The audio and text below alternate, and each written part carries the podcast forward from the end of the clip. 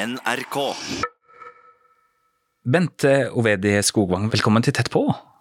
Takk skal du ha. Veldig koselig å bli invitert. Ja, og veldig fint at du er her. Du, jeg må presentere deg litt, for at du kommer egentlig fra Olmaveggi i Gaivatna, Ja. altså Mandalen i Kåfjord. Og så har du doktorgrad fra Norges idrettshøgskole, og jobber nå som førsteamanuensis ved Høgskolen i Innlandet under det som heter seksjonen for idrett og kroppsøving. Ja, Er det riktig? riktig det. Ja, og så er du eldst av åtte søsken, og er styreleder i Riddo Riddo-festivalen. Ja, det er riktig. Og nå bor du i Elverum. Ja. Ja. Og så har du vært eh, fotballdommer i mange år. 30 år holdt jeg på som fotballdommer, og i dag så er jeg jo veileder og mentor og coach for andre nasjonale og internasjonale fotballdommere. Ja. Og du har altså dømt fotballkamper i EM, VM, i toppserien, og det som kanskje er det kuleste av alt, du har dømt en OL-finale i fotball for kvinner. Ja, jeg dømte faktisk den første OL-finalen for kvinner i Atlanta i 1996. Det var første gang eh, kvinnefotball var på OL-programmet, så det var jo en historisk kamp. Stadion ble utsolgt med, til 82 000 tilskuere, og eh, det var mellom eh, USA og Kina i Atlanta 1996, ja. Og så er du vel eneste nordmannen som har dømt en OL-finale i fotball? Det er helt riktig, det er helt riktig. Det er jo veldig stort. Som hoveddommer så er det bare meg som har vært der. Og det er jo heller ikke noen, noen menn som har dømt verken i VM-finale eller i OL-finale. Husker du hva som gikk gjennom hodet ditt da du skulle blåse i gang en OL-finale? Og jeg hadde jobba veldig mye med hodet mitt, for det første, det mentale. Jeg visste at jeg var veldig godt trent, og da hadde vi jo vært der i, over i nesten en måned i OL og dømt flere kamper der, og det hadde gått bra. Jeg hadde noen sånne ting som jeg sa til meg sjøl. Bente, husk, du kommer fra en liten plass. Du har bestandig måttet jobbe for å få, få til ting, og nå kan du bruke det. Og du har bestandig jobba også for at, at kvinnefotballen skal komme til OL, fordi at jeg hadde spilt fotball og, og sjøl og, og, og, var veldig glad i fotball. Og syntes at man skulle ha like muligheter uansett kjønn. Så jeg hadde noen sånne ting i, i hodet mitt. Og jeg sa ja, liten sjøsame fra Mandalen, jeg har noen fordeler med det, jeg har ikke fått noe gratis. Ja. Det er ingen som har sydd puter under armene på meg som eldst av åtte søsken, eller ifra trange kår med foreldre som hadde vært flyktninger under andre verdenskrig og, og hadde knapt nok sju år skolegang osv., så, videre. så det er ingen som har, uh, har sydd puter under armene på meg. Og da tenkte jeg ok, ja, men det skal jeg bruke positivt, og det har vært en veldig, veldig god ting å ha med. Og hjemme så har vi bestandig måttet jobbe. Og det er også en fin Du har, du har måttet jobbe for å få til ting, og passe småsøsken fra du var to-tre år gammel, og så ta ansvar på gården. Så det er noe som jeg har, har med hjemmefra, som jeg er veldig gjøger over, som vi sier i Mandalen. Stolt over, hvis det, alle skal forstå hva det betyr. Mm. Hvilken styrke ga det deg i kampen, tror du? da? Jeg hadde jobba mye på forkant og tenkt på at det her er en uh, veldig unik uh, mulighet, i tillegg til at jeg hadde, hadde, mye fokus på at jeg skulle fokusere på arbeidsoppgavene, og ikke på at det var 80 000 tilskuere som så på det, og også at uh, kampen ble sendt til hele verden. Gjorde du noe brølere? Nei, det var en helt fantastisk opplevelse, og det gikk utrolig bra. Og jeg har vel aldri noen gang i noen kamp fått en så bra tilbakemelding og så høy karakter, så det var helt fantastisk. Yes. Jeg hadde assistentdommer fra Frankrike, en annen en fra Mexico, og, så hadde jeg en fjerde dommer fra Canada. Så det var et veldig internasjonalt team som dømte den første OL-finalen for kvinner i fotball. Ledet av en same fra Mandalen. Ja. ja. Jeg veit jo at du er tøff, men du må jo ha tatt en god del kamper, du har vært først i mye. Kan ikke du ta oss gjennom hva, hva slags land er det du har brutt for å komme til det nivået som du endte opp på? Nei, jeg var jo først som dømte. I Finnmark så tok man jo Altså, da man tok meg inn i varmen for dem, så altså, Men ofte så måtte du vise deg i én kamp når du dømte herrelaget, og vise at du hadde greie på fotball før du var akseptert, men da også var man jo eh, andre veien søkk imponert. Jøss, en dame som skjønner seg på det her! De var jo bare utrolig imponert. Jøss, kan du det her? Så det var jo veldig, veldig spesielt. Men jeg fikk god anerkjennelse både i, i Troms fotballkrets og i Finnmark fotballkrets. De, de har fronta meg i veldig mange sammenhenger fordi at de så det potensialet som jeg hadde. Så det er jeg jo utrolig takknemlig for.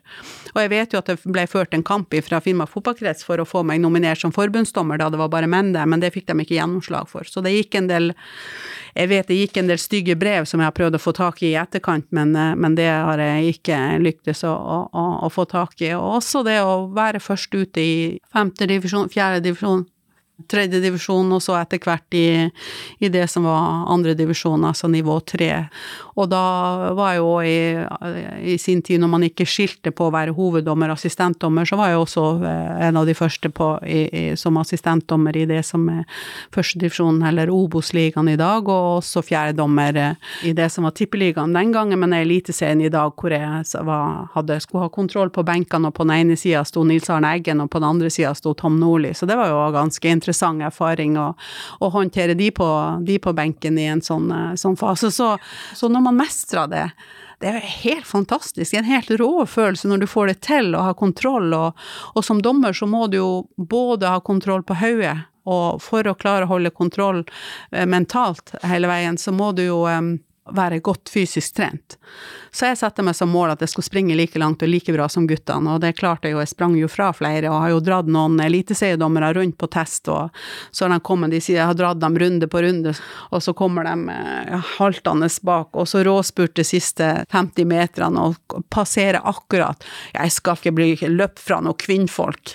Det er veldig nyttig den rollen jeg har i dag som hovedtillitsvalgt i Forskerforbundet ved Høgskolen i Innlandet, så det er veldig, veldig nyttig å liksom ha stått i stormen, og jeg bruker å si, fleipe av og til til de her lederne på Høgskolen Innlandet. Du, Vet du hva, jeg blir ikke skremt av det her. Jeg er vant til at folk står på én meters avstand og roper stygge ord til meg, så det går helt Altså, jeg, jeg, lar meg ikke vippe av, pinnen. Vi får til en løsning, og jeg står på det her, for det her er de rettighetene som er. Så det har gitt meg eh, en ballast med videre som er veldig nyttig i dag, i, både som hovedtilsvalgt og, og i, i, det å være styreleder i Ridd og Ridd og i, andre, og i andre sammenhenger, så er det veldig nyttig. Mm. Jeg syns det var veldig fint det du sa, Bente, om at du minna deg sjøl eh, om hvor du, hvor du, kommer fra, hva som er bakgrunnen din. Og hvis vi spoler tilbake igjen, da. Vurderte du deg sjøl som same fra, fra tidlig av? Jeg er jo vokst opp i et tospråklig hjem, jeg er jo vant med at, eh, at både mamma og pappa snakka samisk, og vi var jo en familie som var tre, tre generasjoner i hele oppveksten. Eh, så jeg er vant med at man snakker samisk hjemme, men eh, når de snakker til oss, så snakker de jo på norsk. Sånn sett så var jeg jo vant til akkurat det, og vi hadde jo ikke hatt noe om, eh, om det samiske i noen skoletimer, i noen historietimer, og jeg kjente jo på det og var litt sånn leit, hvorfor har vi det samiske språket hjemme i familien så levende? Men det var først, først i Alta, når jeg skulle skrive særoppgave om eh, trestammers møte. Jeg måtte på høyskole for for første gang å møte noe skrevet om, om den samiske historien i, i, i Kåfjord. Vi lærte absolutt ingenting. Så den boka til Bjørklund om eh, fjordfolket i Kvænangen, den hadde stor betydning. Og når vi da skulle begynne å skrive særoppgave, så kom over en annen bok, og den boka var så spesiell for meg at jeg blir litt sånn rørt når jeg snakker om den, den hadde så stor betydning. Det var en bok eh, som jeg lånte på biblioteket i Alta, som heter Polmak og Mandalen, to samebygder. Det var det om folketellinga etter første verdenskrig, og også etter andre verdenskrig. Og der sto det jo svart på hvitt Polmak og Mandalen. Polmak og Olmevag i min egen hjembygd. Og da så jeg jo at eh, hovedparten var samer på den første folketellinga, og i neste så var det, var det ikke. Og da begynte jeg å liksom rote i egne røtter, og, og, begynte å kjempe for det samiske, egentlig, når jeg ble, ble klar over min egen bakgrunn. Mm. Du er eldst av åtte søsken. Identifiserer alle seg som samer, eller? Vi er to som syns at det er utrolig viktig. Og, og er veldig opptatt av, å ha en Altså, vi har en samisk identitet. Og så er det jo noen andre som, som er klar over at man har den bakgrunnen, og, men vi er jo oppdratt, vi er jo oppdratt i en norsk kultur. Og så er det jo noen som definitivt ikke definerer seg som same, så, så man har den, den friheten uh, i vår familie at vi er forskjellige, og for noen betyr det mye å, å, å ha den bakgrunnen vi har, og, og ha en samisk identitet. For andre så betyr det litt, og for andre igjen så definerer man seg definitivt ikke som same. Så det er et mangfold i vår familie òg, som viser på en måte mangfoldet i, i, i, i samfunnet også, ut ifra hvordan, vi hvordan vi er oppdratt. Ja. Skrudd forskjellig sammen. Ja. Hva var det som gjorde at du ble dommer?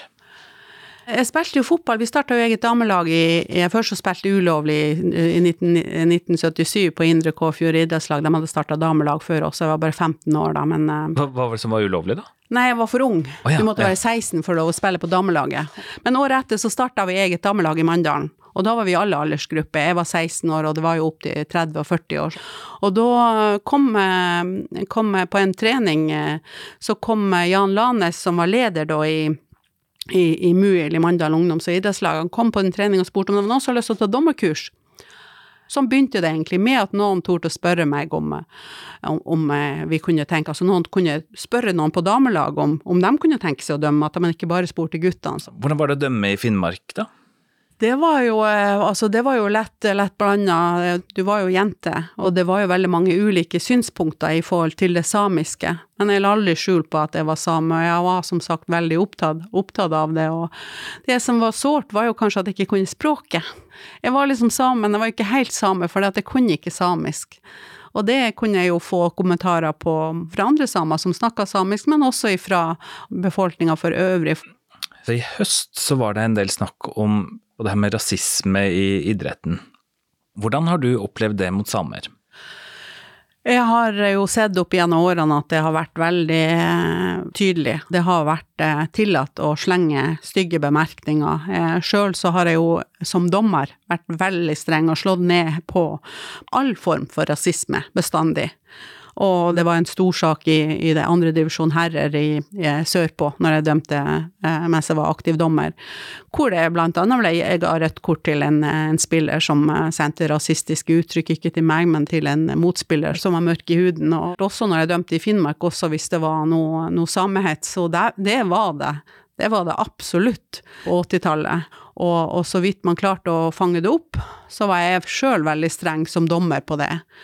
Men, eh, eh, men, men på en eller annen måte så virka det som at nei, men det var jo bare en spøk, sant. Altså man flirte det bort, og, og sånn er det jo også ofte i hverdagsrasismen. Sånn er den jo. Man bare flirer, men det var bare en, en fleip.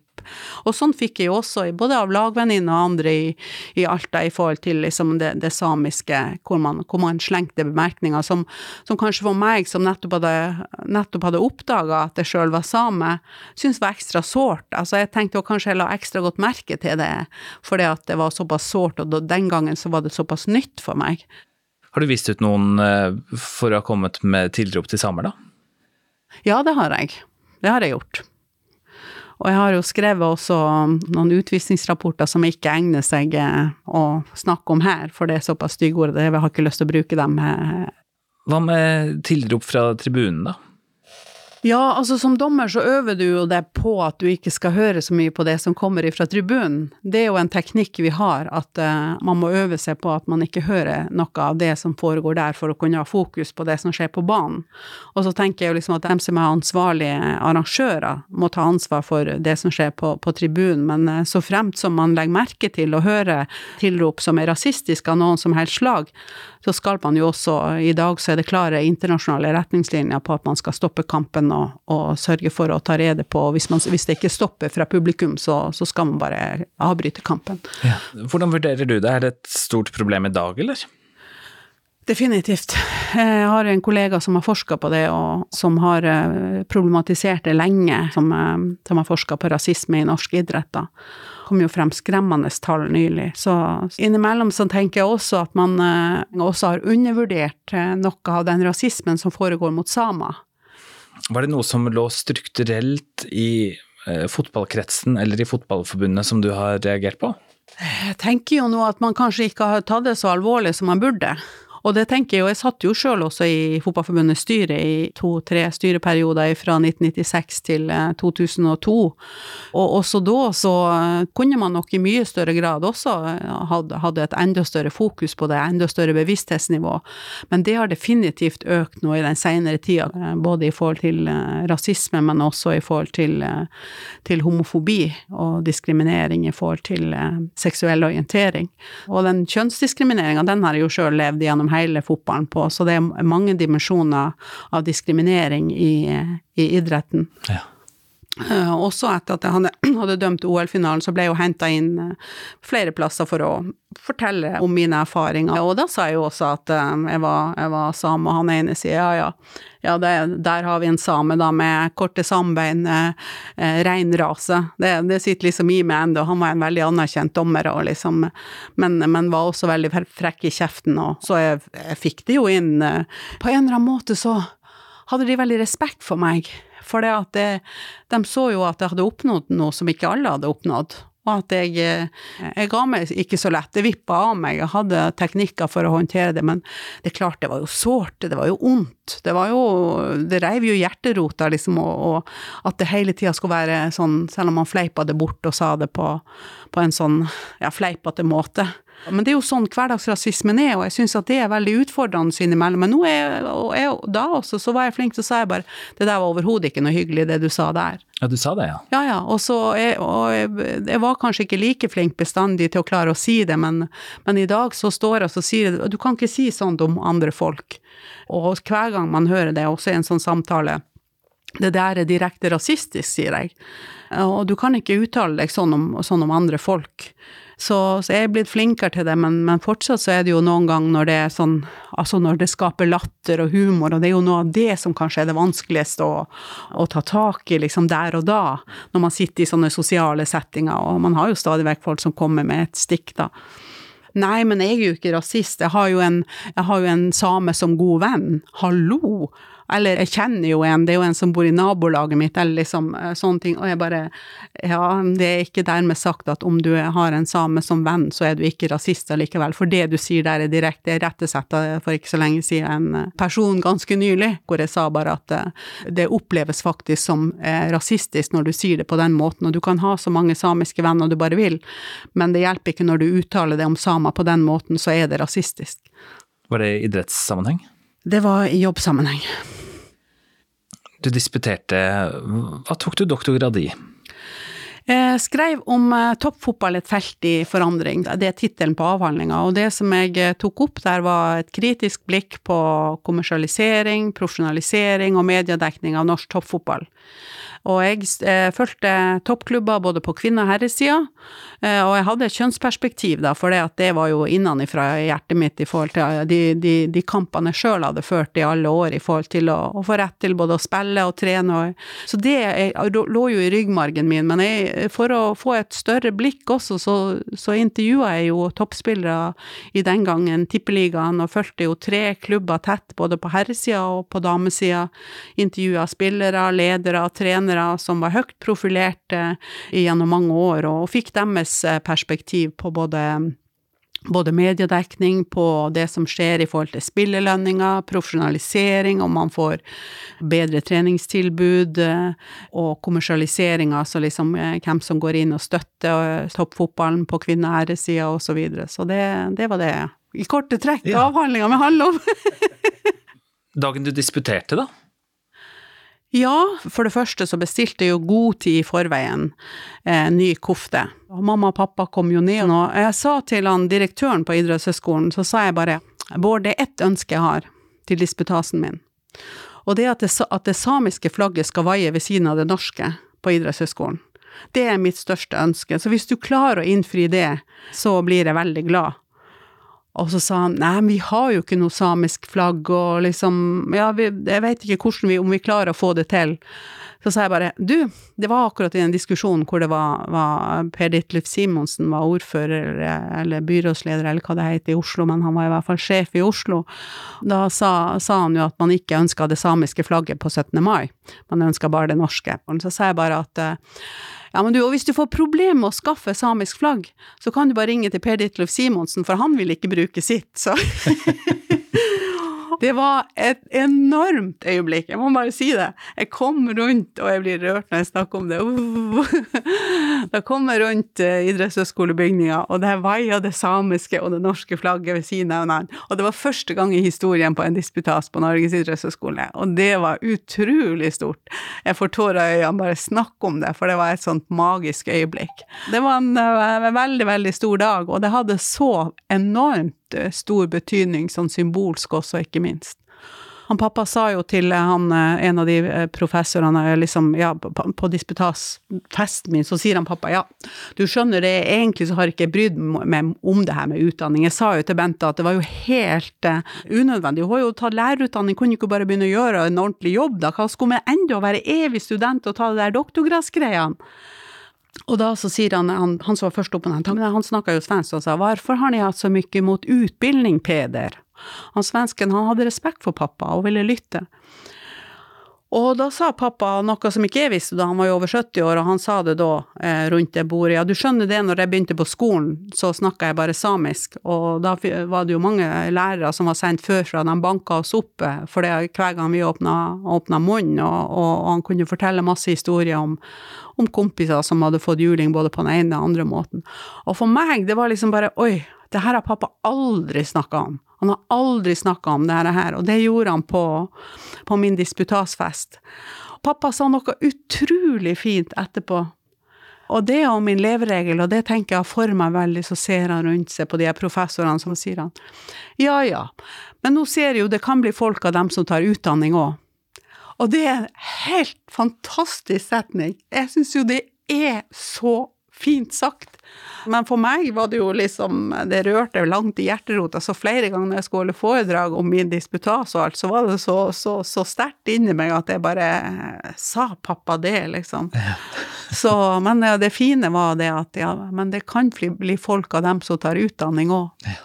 Og det syns jeg er så fint. Og det er viktig. Jeg tenker det er viktig, og jeg tenker kanskje det er derfor han har, de har oppdratt oss sånn. Mennesker er mennesker, man skal ha respekt for, for eh, og, og, gjerne gått i dennes fots, eh, fotspor eller i dennes mokasiner en viss periode før du klarer å sette det inn i hvordan det andre mennesket har det, og hva slags menneske det er, da. Det går jo gjetord om det, om det enda, selv om jeg også på idrettshøyskolen har fått slengt e-, etter meg flere ganger. Ja, nå er vel den kofta oppbrukt. Hvorfor var det så viktig at jeg skulle synliggjøre det i alle sammenhenger på alle disputaser? Og det var jo kollegaer som jeg har veldig godt forhold til også, som, jeg, som man ofte måtte argumentere i forhold til at ja, men, ja, men altså, du er jo vokst opp norsk, med norsk, og hvorfor skal du liksom bruke så mye tid og energi på at du er same? Du kan jo ikke språket engang, så jeg har jo fått det så det sårer for meg at jeg ikke kan språket godt nok. Det har jeg fått slengt i fleisen mange ganger. Det som slår meg av og til. Det er at man kan ha relativt like politiske syn, man kan ha samkjørte betraktninger om verden, hva som er viktig verdimessig. Da. Og så kan man være dypt uenig når det kommer til samiske spørsmål. Ja, jeg er så vanvittig enig med deg, og jeg klarer ikke å skjønne at det ikke er oppegående folk som på en måte, ikke på en måte bare, men som har samme verdigrunnlag som meg, som er, tenker at man, ikke, at man er antirasister, at man ikke skal diskriminere. Og allikevel så kommer de med sånne bemerkninger til meg og argumenterer mot min identitet. Og, og det, det skal så mye forklaring til for at de skal klare å forstå at det liksom Ja, jeg blir, jeg blir, veldig lei meg, for det er folk som jeg føler meg på samme bølgelengde med, og som er enige om det meste, og som vi har masse trivelige lag, både jobbmessig og, og, alt. Men straks man bringer på banen den biten med, med samisk identitet, er det mulig? Du må jo klare å forstå at det er et mangfold. Men jeg, jeg forstår at de ikke kan så mye. Jeg måtte jo sjøl på uh, høyskole og universitet for å kunne lese om hvor jeg sjøl kommer fra. Jeg lærte i hvert fall da, jeg vet at jeg definitivt utvida nå, og mine unger har sjøl fått um, fått samisk undervisning via Skype fra Almavegget til Elverum og Oslo og sånn, så, så, jeg vet at det er bedre nå. Men du må kjempe for det hele tida. Du må kjempe for alle, alle sånn type rettigheter, og det krever at du ikke gir det med første motbakke, altså. Men merker du en stor forskjell de siste årene? Ja, det må jeg svare ja på, faktisk. Det utvider i dag kunnskapen gjennom undervisning på ulike trinn i skolen, og også nye læreplaner har gjort at det er blitt vesentlige endringer, og det er utrolig viktig. I år har vært veldig spesielt. Altså, den digitale dekninga av eh, samenes nasjonaldag, den var jo helt magisk.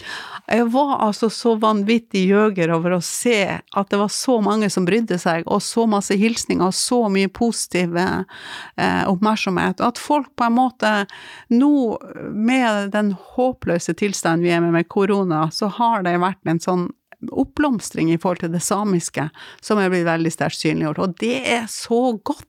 Og da er det jo stadig flere som klarer å få får kunnskap om det, og som tør å vedkjenne sin, sin identitet, og som også tør å synes at den er viktig. Så jeg er veldig, veldig, veldig glad for at, eh, at man hadde en sånn enorm positiv fokus og spredde mye, mye kunnskap rundt det. Mm. Plutselig så får jeg hilsninger og sier ja, ja, nå skjønner jeg hva du sa hva du sa da når vi gikk i klasse på lærerskolen, og, vi, og du skrev den der oppgaven om tre stammers møte. Ja, nå forstår jeg først da. Og det er folk som er lærerutdanna, og det er tatt noen år siden det. det en generasjon? Ja, det har tatt en hel generasjon, ja. Det har jo det. Fotball og idrett er jo en kjempeviktig del av veldig manges hverdag, da. Av forskjellige grunner. Har du en utfordring til til idrettsforbundene eller til lokale klubber, eh, altså når det kommer til det å være litt bevisst da, rundt eh, samiske spørsmål? Ja, jeg tenker det å være bevisst, at det er en, eh, en historie som har vært der med, med lang eh, fornorskning, med mye diskriminering og trakassering, og som fortsatt i dag er, høgst levende. Det må man vite noe om. Og det må man sette seg inn i. Og så må man håndtere saker som kommer opp i lys av det. For det at det er hverdagsrasisme mot samer, det er hverdagsrasisme, det er kjønnsdiskriminering, det er annen type diskriminering. Og man må ta det på alvor, og ikke bare late som å flire, flire det bort i hverdagssammenheng. Eh, man må ta tak i det, og man må eh, gjennomføre ordentlig ryddige tiltak, og må ta tak i det på en ordentlig måte, så at, at, man i hele strukturen og hele systemet får et verktøy, så at man kan, kan håndtere det. Så at, ja, idrett er jo helt fantastisk, og jeg elsker jo fotball. Jeg er jo helt eh, frelst i fotball, i tillegg til at eh, jeg, jeg, bryr meg om folk. Så jeg elsker jo det. Og jeg vil jo gjerne være at alle sammen som liker å drive med fotball, skal trives i fotballen. Og det gjør de ikke hvis ikke man er bevisst på systemnivå, på klubbnivå, på leder, trener osv. Og, så videre, og tar tak i det når det er diskriminering på noen som helst måte.